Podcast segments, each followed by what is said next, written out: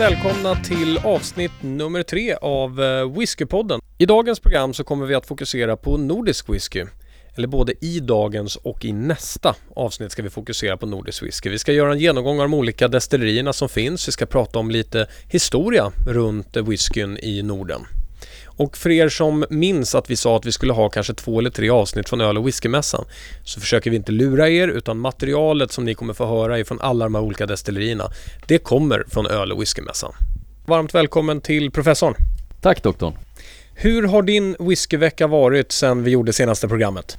Den har varit ganska lugn, eh, till skillnad från din vet jag, för du har ju faktiskt eh, besökt öl och whiskymässan ytterligare ett par gånger sedan vårt förra besök. Jag kunde inte låta bli, det var, det var så jag kände. Men å andra sidan så har jag fått träffa otroligt intressanta människor och fått eh, pröva otroligt god whisky. Ja, jag har ju fått nöja mig med eh, att göra en så kallad vertikalprovning av Ardbeg Supernova och den ska vi komma till senare i programmet. Precis, hoppa inte in i den nu på en gång. Vi kan ju ha ett lite trevligt intro här innan du börjar gå direkt på prövningar och fakta och sådana grejer. Någonting vi har känt när vi har gjort de två första programmen det är att vi måste få lite bättre struktur på i vilken ordning vi gör saker och ting. Så från och med det här programmet så kommer vi alltid i inledningen ha whiskynyheter från allt från den stora delen av whiskyns värld till releaser på Systembolaget och andra intressanta nyheter och tips som händer där runt om eh, på whiskymarknaden, eller hur? Ja, jag tror att eh, det kan bli ett bättre lyssningsbart program om vi har vissa återkommande programpunkter och det ser jag fram emot att vi ska börja med från och med nu. Verkligen. Och i whiskynyheternas anda så fortsätter vi. Öl och whiskymässan de delar ut pris för bästa whisky varje år i ett flertal olika kategorier. Mer än tio kategorier är det. Är det rimligt att ha så många kategorier är min första fråga till dig professor. Nej, jag tycker att det är gränsfall. Det blir så många kategorier så att det nästan blir ett pris för varje whisky. Ja. Ska vi gå igenom listan lite snabbt och titta på några saker som sticker ut? Eller vi ska säga så här, jag har redan förberett och tagit ut tre stycken så får vi se om du kan kommentera någonting om de whisky som jag har valt ut. Spännande. Då börjar vi med pris för bästa svenska whisky upp till fem år gammal.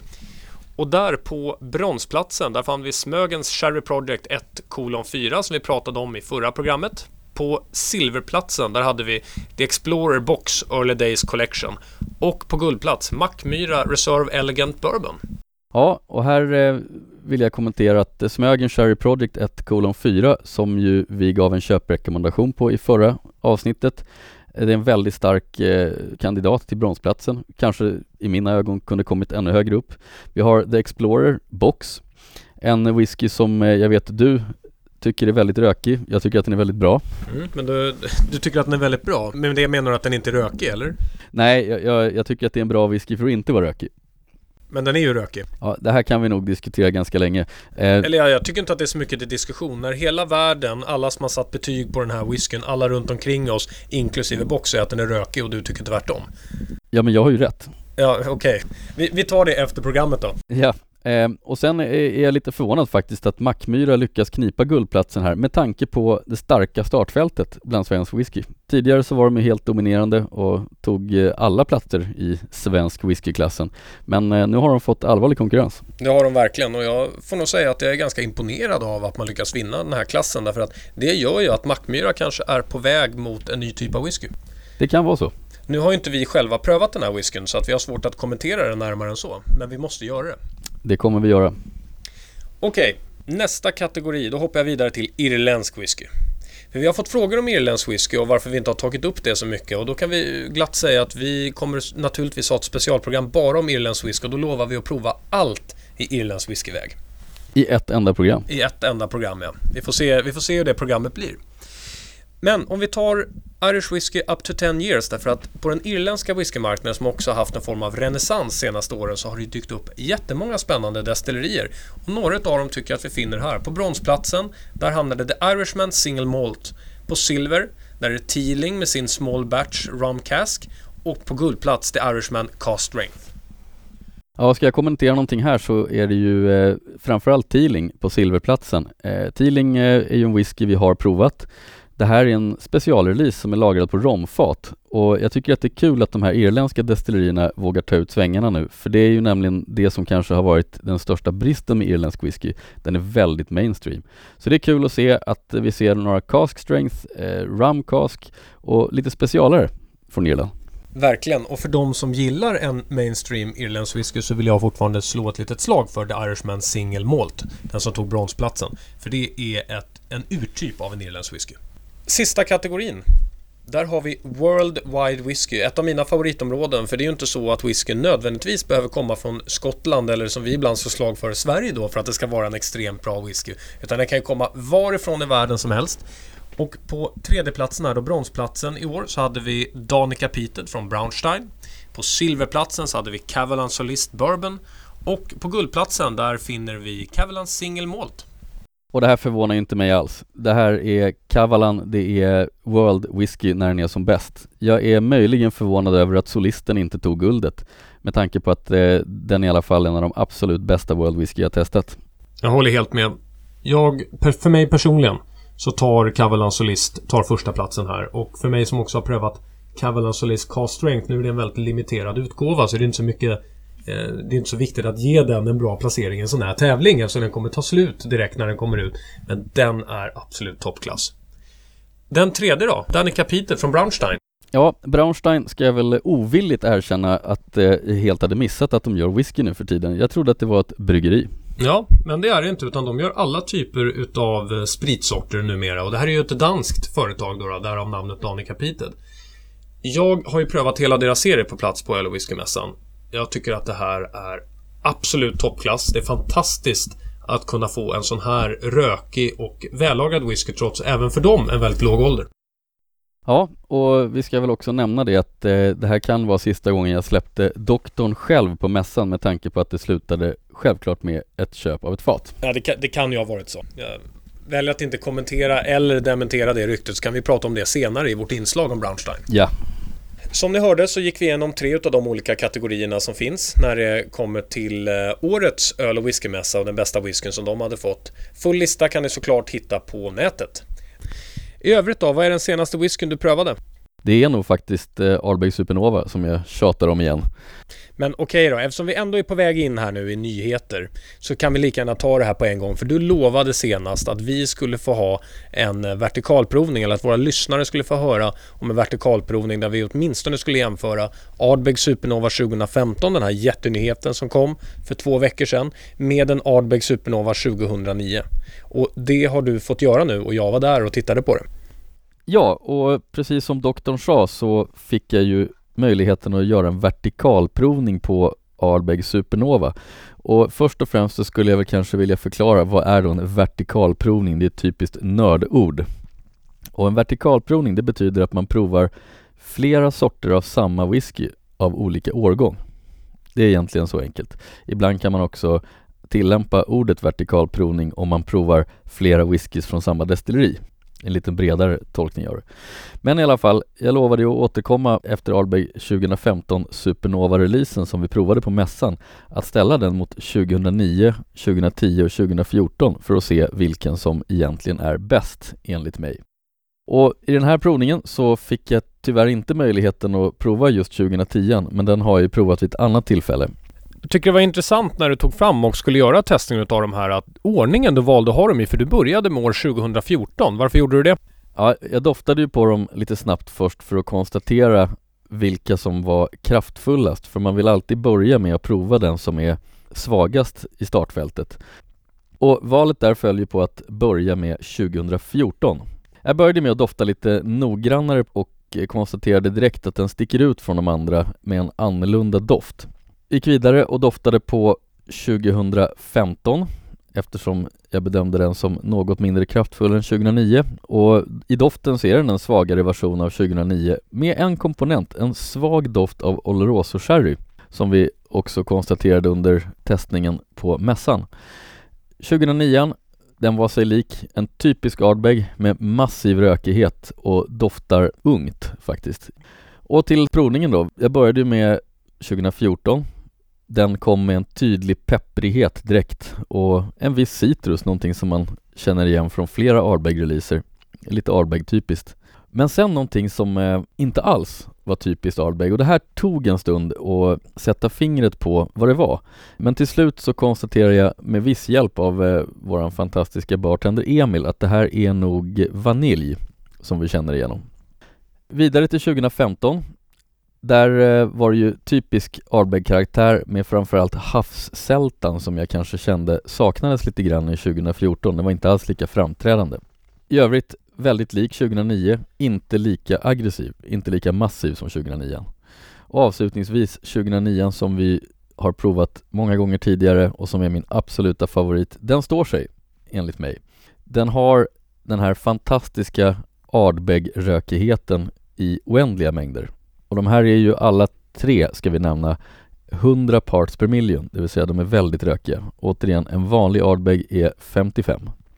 2009 är en överlägsen segrare med, för mig, 2015 som tvåa, för den är lik 2009 men smakar inte riktigt lika mycket. 2014 kommer trea och det gör den främst för att den har en spännande unik smak som jag inte känner igen från någon annan Supernova. Och 2010 kan jag konstatera att det är precis som jag misstänkte från början. Den når inte riktigt samma höjder som sina släktingar här i Supernova-serien. Så det var väl egentligen mina intryck av Ardbeg Supernova vertikalprovning. Men det är inte så att du sitter och väljer 2009 nu därför att det är den whiskyn från Ardbeg som du har håsat mest genom tiderna? Jo men det är väl klart att det är så. Nu finns det ju faktiskt en jag håsar ännu mer och det är Ardbeg Very Young. Och där kan jag väl inte mer än säga att jag håller med dig. Ja, det är skönt att vi är överens om den punkten. Alltså inte riktigt överens när det kommer till skillnaden mellan 2015 och 2009. Framförallt inte vilken jag sätter högst. Jag sätter 2015 högre. Jag tycker att det är en mer stiltypisk Ardbeg för vart de ska vara någonstans idag. Och jag tycker att den har en mer kraftfull smak. Men alla har ju en personlig smak. Ja, så är det. Då till lite nyheter från Systembolaget. För under oktober månad så kommer det några specialreleaser till Systembolaget. Vi ska kommentera dem väldigt, väldigt kort. Men ändå nämna dem eftersom det är några som är lite mer spännande än andra. Jag tänker mig att vi börjar med Macallan. För att Macallan har kommit fram till om det är femte eller sjätte utgåvan i det som de kallar sin 1824-serie.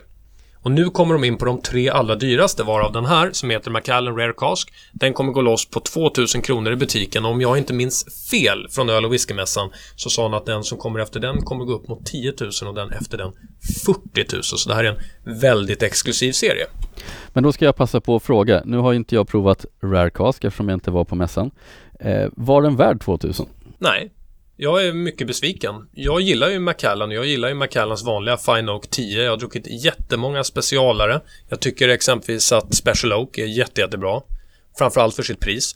Den här hade en torr eftersmak. Jag vet inte mycket mer jag behöver säga än så med tanke på att jag tycker att whiskyn ska ha en lång, len och bred och fin eftersmak.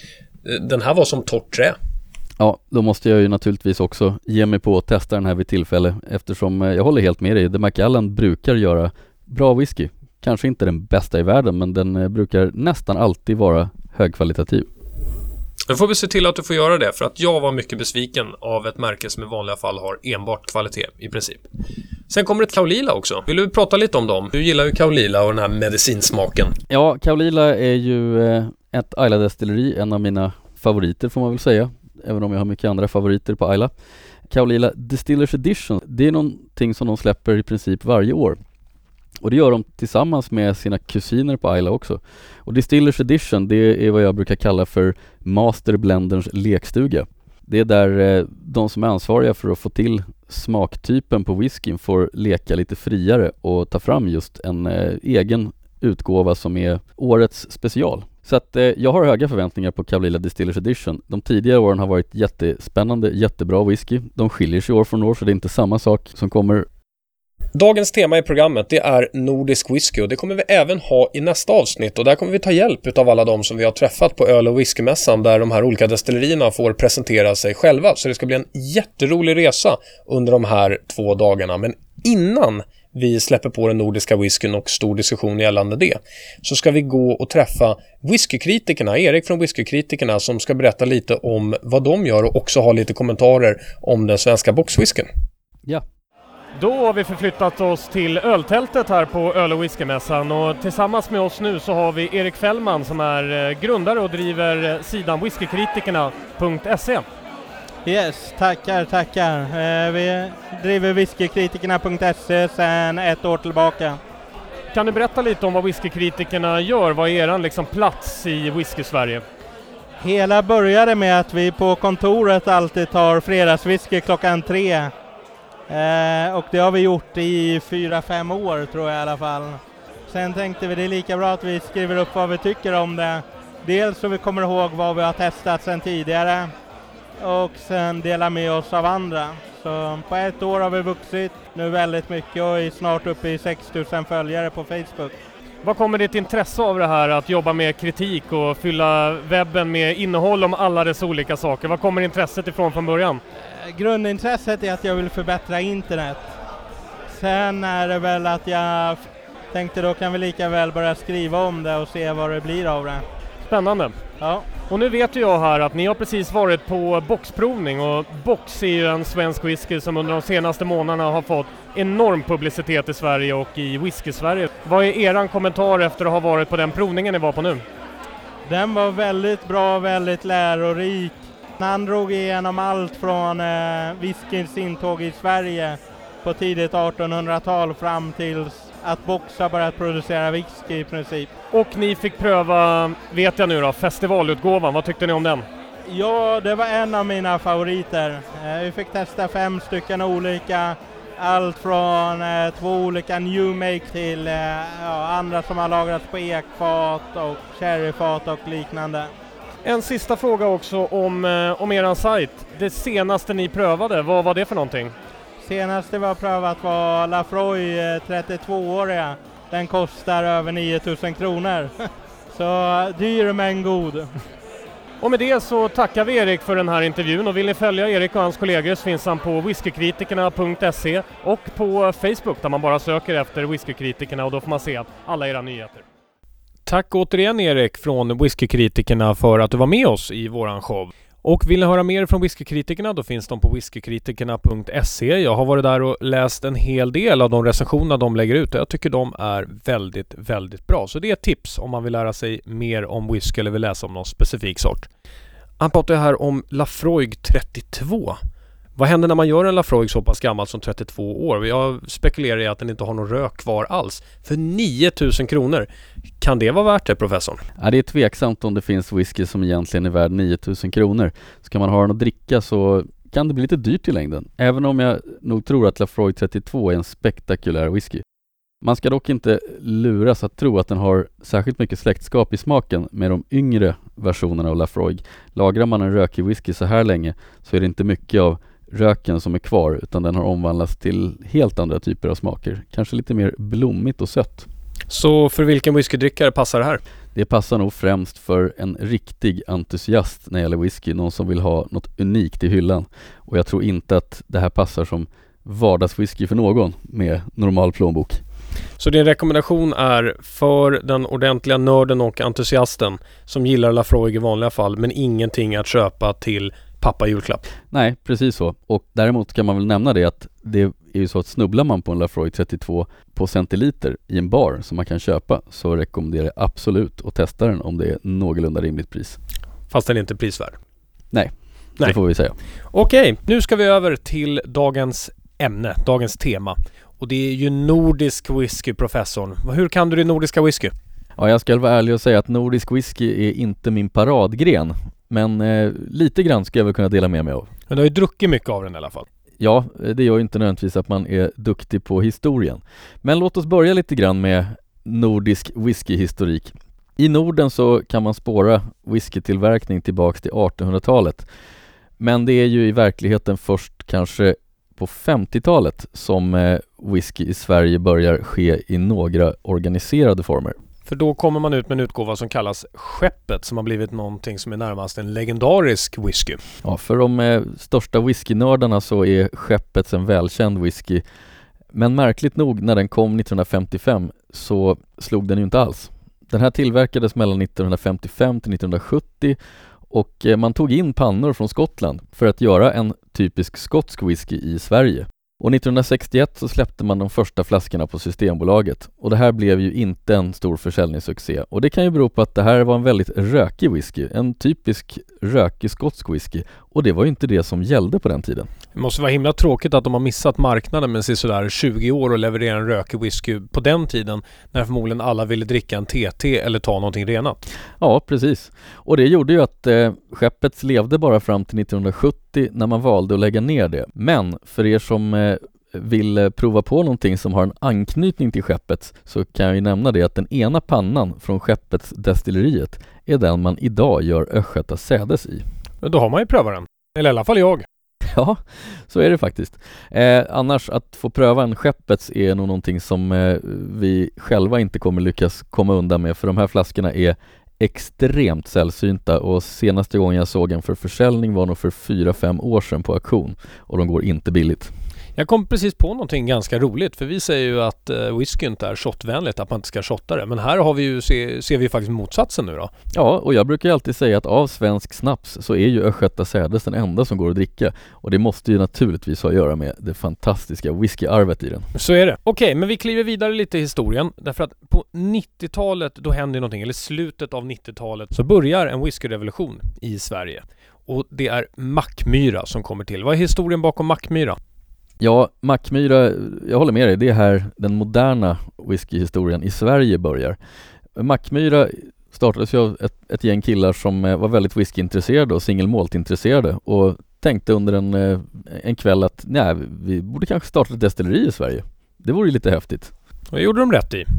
För det har i alla fall satt prägel på all den whisky som vi har idag i Sverige. Även om jag måste säga att den så kallade första utgåvan tycker jag personligen knappt är drickbar. Men det är i alla fall den första svenska singelmålten som man fick till. Ja, man får ge Mackmyra oavsett vad man tycker om dem så får man nog säga att Mackmyra startade hela den nordiska whiskyrörelsen i modern tid. Tittar vi sen eh, lite framåt så eh, Mackmyra var ju ganska ensamma i Norden fram till mitten av 2000-talet. Då hade ju Mackmyra börjat komma ut på marknaden med sina releaser och då var det väl fler som blev inspirerade. Och då startades ju bland annat eh, Spirit of Ven som är en, en svensk destilleri på västkusten och också danska Braunstein, från början eh, som jag sa ett bryggeri och jag hade ju faktiskt helt missat dem. Lite senare, i början av 10-talet, så dök Box upp, som vi ska prata om mer i det här programmet, och även Smögen, en mycket, mycket intressant spelare på den svenska whiskymarknaden. Sen i våra grannländer så har ju det här spridit sig naturligtvis att eh, i Finland vill man inte vara sämre. Där finns bland annat eh, destilleriet Terenpäli och i Norge så har vi Det Norske Bränneri och Arcus.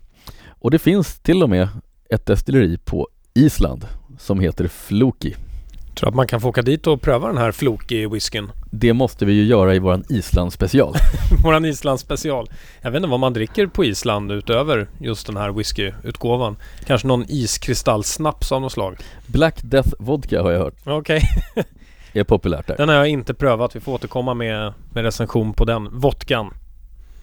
Okej, men eh, vi kliver vidare lite här då och då är det Box som vi ska börja och prata lite extra om. För det finns ju fler destillerier än de vi nämnde nu eh, på både den svenska marknaden och den nordiska marknaden. Vi väljer att fokusera på några som vi också har bra material med från öl och whiskymässan och då är det först och främst nu Box. Och där har vi träffat deras brand manager eller brandman som han själv kallar sig och vi ska få lyssna på när han berättar historien om Box Sverige har vi förflyttat oss till eh, Box Whisky och det är många utav er som har ställt frågor under dagen när det gäller Box Whisky.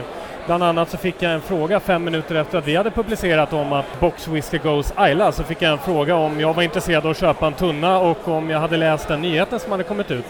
Och det är delar utav det vi ska prata om nu därför att vi har med oss Jan Groth som är brand manager, eller brandman som han eh, själv kallar sig på Box Whisky. Och vi undrar till att börja med om du vill berätta lite om historien kring Box Whisky och hur ni kom till? Ja, eh, Box Whisky, det är inte så att vi har anlitat något fashionabelt eh, byrå som har hittat på namnet Box, utan Box är ursprungligen från den delen utav Sverige som är, ja, ska vi uttrycka sig, företagsamhetens vagga, det vill säga uppe i Ådalen där mycket utav träindustrin höll på på 1800-talet. Och då fanns det ett, en såg som eh, sålde mycket trämaterial till London och då var det praktiskt att döpa om sig till Box AB. Så det är platsen och namnet från början. Sen är det först en bra bit in på 1900-talet då när eh, bröderna De Waal beslutar sig för att de ska göra ett whiskydestilleri. Och det tar många år innan de får tillräckligt mycket pengar så att de kan starta igång det. Så egentligen är det, kickar vi igång på allvar den dagen när vi anställer Roger Melander som distiller manager 2010 och vi börjar destillera på allvar december 2010. Det första batchen är från den 23 december eh, 2010. Jätteintressant. Och eh, ni lanserade ju en världsnyhet eh, till oss tidigare idag, nämligen att eh, ni kommer börja lagra whisky på Ayla-fat. Och jag blir väldigt nyfiken på eh, de här Ayla-faten. Vad är era förväntningar på resultatet? Är det en Lafroy-kopia ni försöker göra? Ja, det kan man nog inte göra. Eh, whiskyindustrin är ganska generellt överens om att man kan inte göra kopior utan ska man, ska man försöka kopiera en, vilket eh, du nämnde, ett destilleri, de har ju blivit utsatta för kopiering en gång i tiden och det gick sådär. Så att det, blir, det går helt enkelt inte. Vad Ayla-faten ska ge oss, det är en möjlighet att tillsätta en liten smak som vi inte själva kan åstadkomma genom att använda fat som har härbärgerat Ayla whisky. Då. Vi kan inte göra en kopia utan något av Aylas destilleri, vi gör boxsprit men vi använder den lilla doft och smak som finns i de faten för att göra ett annorlunda spännande koncept. Det här är ju för våra fatägare och för privatfat. Vi kommer ju aldrig utilera en av de här utan det får privata personer ägna sig åt. Okej, så det här kommer bara komma ut till eh, de som köper eh, egna fat? Ja, vi kommer inte göra vår egen buteljering som, som, utan det är, det är, privata aktörer och som köper våra fat som då inom några 4-5 år kommer buteljera sin egen boxwhisky lagrad på Ayla-fat. Det unika är ju att ingen annan har gjort det tidigare. Nej, det är uppenbarligen ett helt nytt koncept och eh, därför undrar jag också, det är lagringen brukar ju vara avgörande för smaken på whisky och, och då undrar jag, var kommer ni lagra de här faten? Faten kommer lagras som all vår whisky lagras uppe vid, vid destilleriet uppe vid Ångermanälvens strand. De förutsättningar som vi har där skiljer sig från de flesta destillerier på jordklotet. Det är nämligen så att vi har en helt annan temperaturväxling än andra destillerier har tillgång till. Och den där temperaturväxlingen är väldigt betydande för utvecklingen av whiskyn. Eh, när det blir kallt så, så, så krymper så att säga så krymper mängden sprit in i fatet och låter träet jobba på ett sätt och sen när det blir varmt igen så tränger det ut igen och då får man en annan utväxling på det och det här går ganska fort uppe i Ådalen.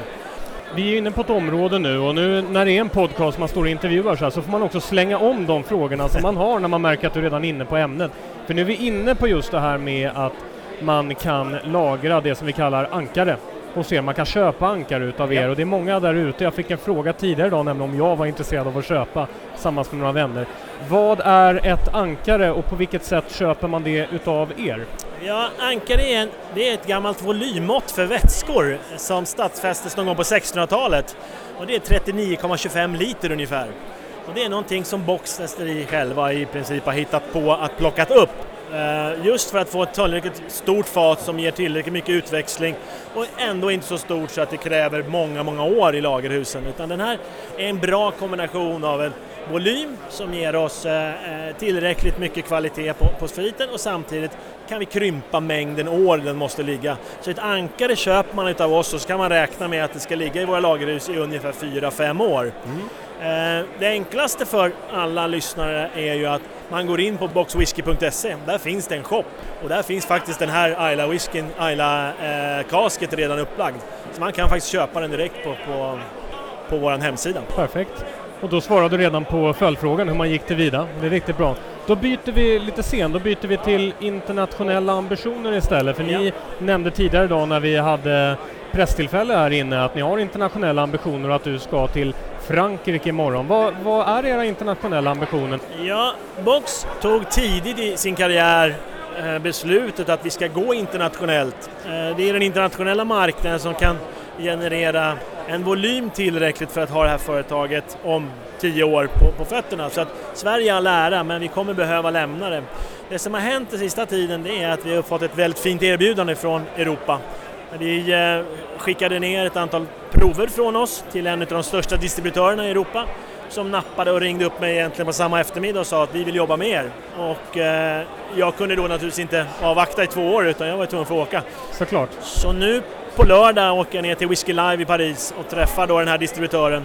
Eh, vi kommer att vara försiktiga. Det är en mycket svår marknad i Europa och världen är väldigt svår. Sverige är tillräckligt lätt, vi känner den väl. Men det ska bli spännande och, vi vår ambition då det är ju naturligtvis att vara en av de spelare som finns där ute. Att man ska kunna, man ska kunna känna till Box Whisky om tio år på, i de flesta marknader runt om på jordklotet. Vi har ju såklart spekulerat i vilken distributör det här kan vara som ni kan träffa. Jag förstår att du inte kommer avslöja det nu. Vi kommer avslöja det nästa vecka. Nästa vecka? Jag är lite osäker på vilken dag, men jag vill i alla fall ta i hand med dem först innan jag säger något mer. Jag förstår det. Jätteintressant och eh, med det så tackar vi Jan Groth så jättemycket från Box Whisky och Tack önskar så lycka hemskt till. mycket. Tack så hemskt mycket. Ja, vad ska man säga professorn? Box, de är häftiga, eller hur? Ja det här är, det var en riktig upplevelse att få träffa Box på nära håll. Det får jag faktiskt säga. Det var väldigt, väldigt spännande. Och vi kommer ju också återkomma till Box senare i programmet när vi ska ha lite från våran provning. Ja, det kommer vi göra. Men vi ska väl också nämna nu återigen att vi har ju själva köpt ett sånt här Box Ayla-fat som Janne pratar om här i klippet. Precis, vi kunde ju naturligtvis inte låta bli. Ett eh, Ayla-fat fyllt med svensk whisky av hög kvalitet. Det är svårt att säga nej till. Är Box enligt dig den bästa spelaren just nu på den svenska marknaden? Eller vilket märke är det för dig?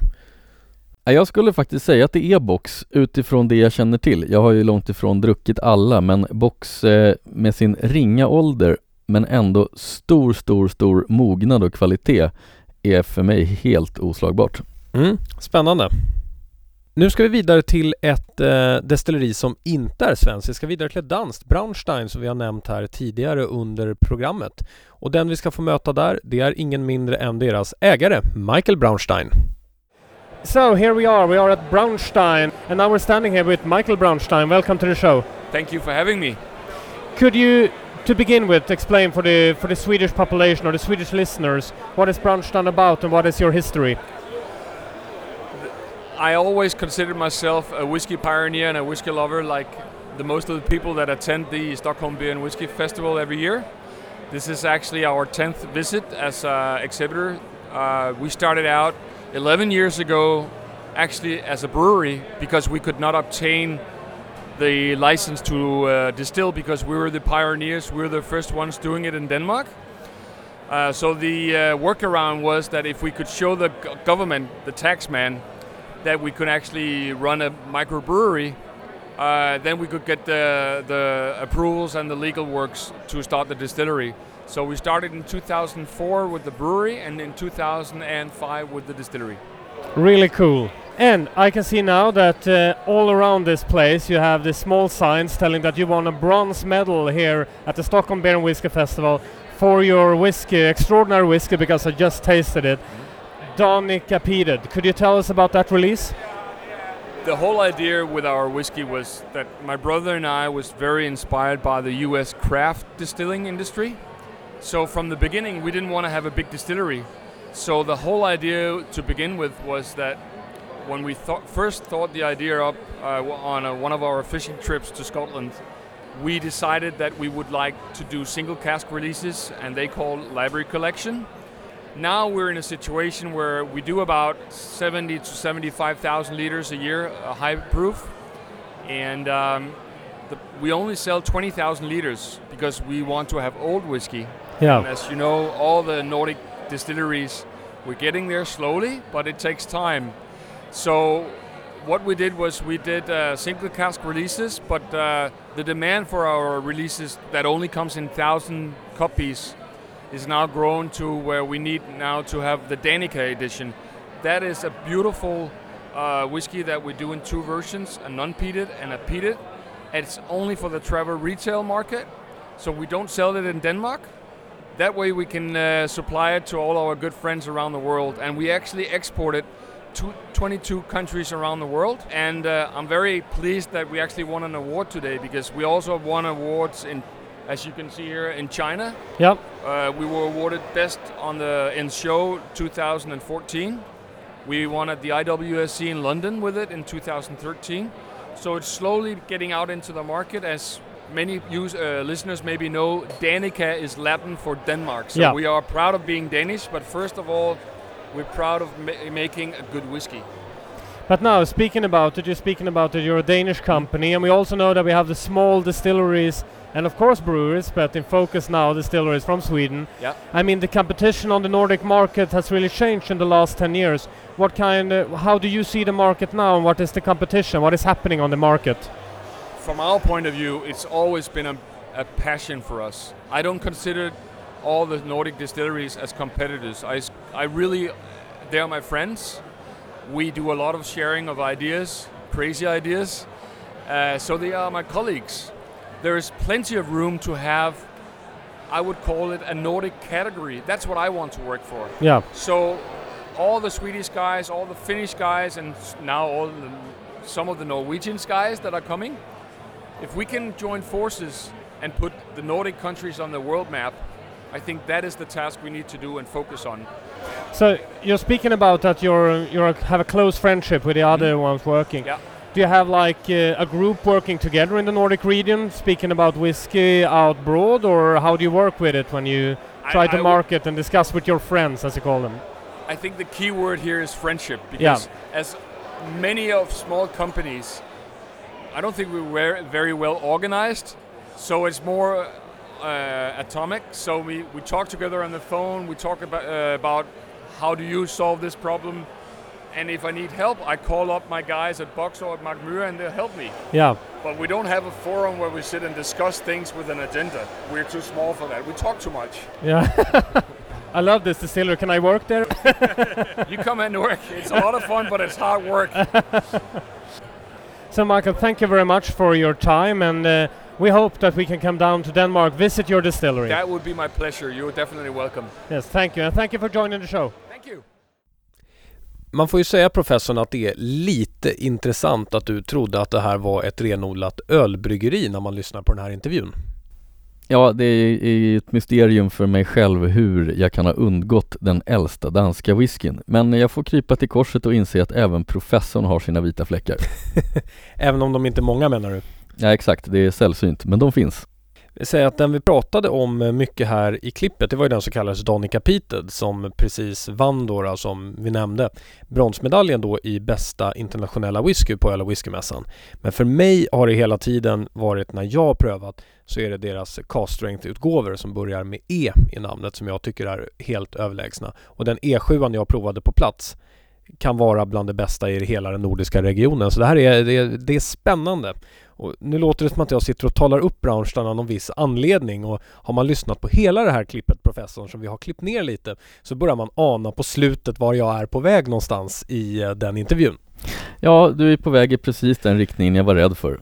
Du köpte ett fat. Ja, vi kanske har köpt ett litet fat av, av Braunstein så vi ska åka ner och få, få fylla här någon gång under hösten och tre, träffa hela deras destilleri också. Och då ska ni få följa med såklart. Det här kommer vi följa i podden. Naturligtvis. Sen så det här du säger att man inte ska släppa ut mig på grönbete, men nu ska du äntligen få åka till Danmark, ditt favoritland. Äntligen! Vi ska ta oss vidare så att vi inte stannar upp alldeles för mycket här. Vi kan konstatera att vi har gått igenom box och vi har gått igenom eh, Braunstein. Vi prövade också mycket box på plats. Vi gjorde en ordentlig vertikalprovning av det mesta som de hade i sitt egna förråd. Ja, det stämmer. De blev ju ganska entusiastiska av vårt intresse för deras whisky så att eh, det var utan knussel de ställde fram hela sitt sortiment. Och det ska vi lyssna på nu. Ja, professorn, vi står kvar här vid eh, Box därför att vi har fått in smakprover utav alla dess möjliga olika treåringar som Box har levererat och en som är tre år och sex månader. Och det här är en fantastisk upplevelse. Ja, det här eh, måste jag ju säga att jag är nog lika överraskad som du. Även om du är en förespråkare för box så måste jag säga att nu står vi här med råwhisken framför oss. Både den orökiga och rökiga varianten. Vi har en treårig eh, bourbonlagrad orökig. Yes. Vi har en eh, bourbonlagrad rökig också. Men sen har vi ju eh, för all del också deras jubileumsutgåva och den fantastiska Oloroso Sherry-lagrade. Men jag tänkte att vi skulle gå direkt in på och försöka förmedla lite grann om vad vi smakar på. Så vi börjar med den här. Det här är ju den orökiga råspriten. Ja, Vad har du att säga om den? jag måste ju till att börja med säga att en råwhisky som överhuvudtaget är drickbar är ju inte utav denna värld.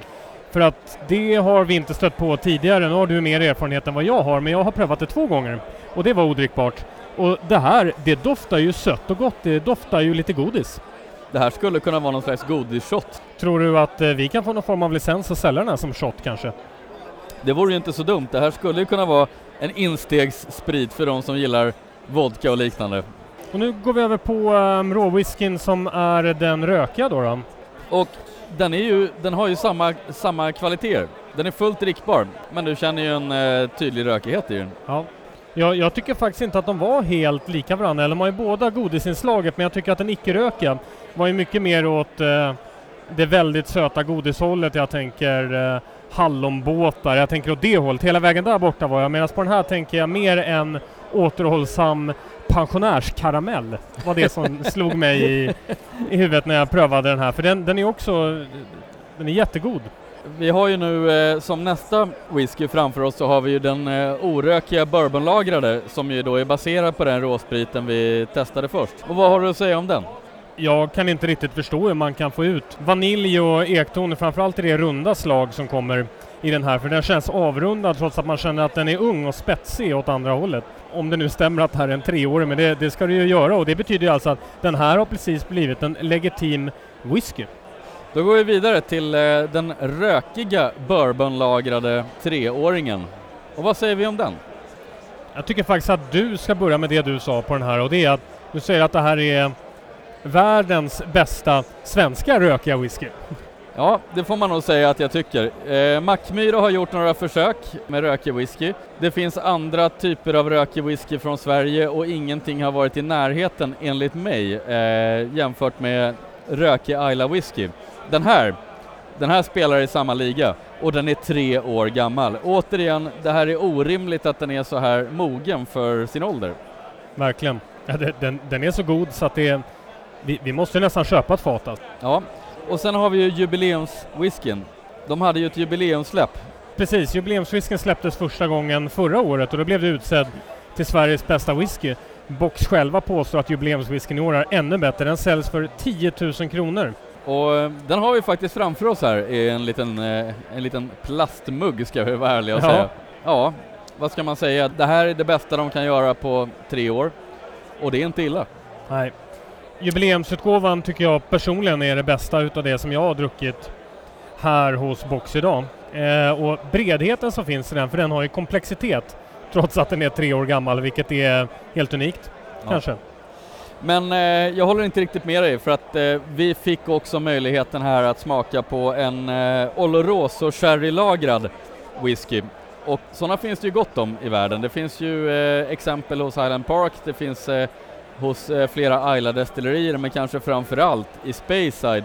Box lät oss ju eh, få veta att eh, de fuskar inte som de andra destillerierna med att köra fat som är specifikt lagrade med Oloroso en liten stund bara för att kunna användas till whisky utan de använder 10 till 30 år använda fat.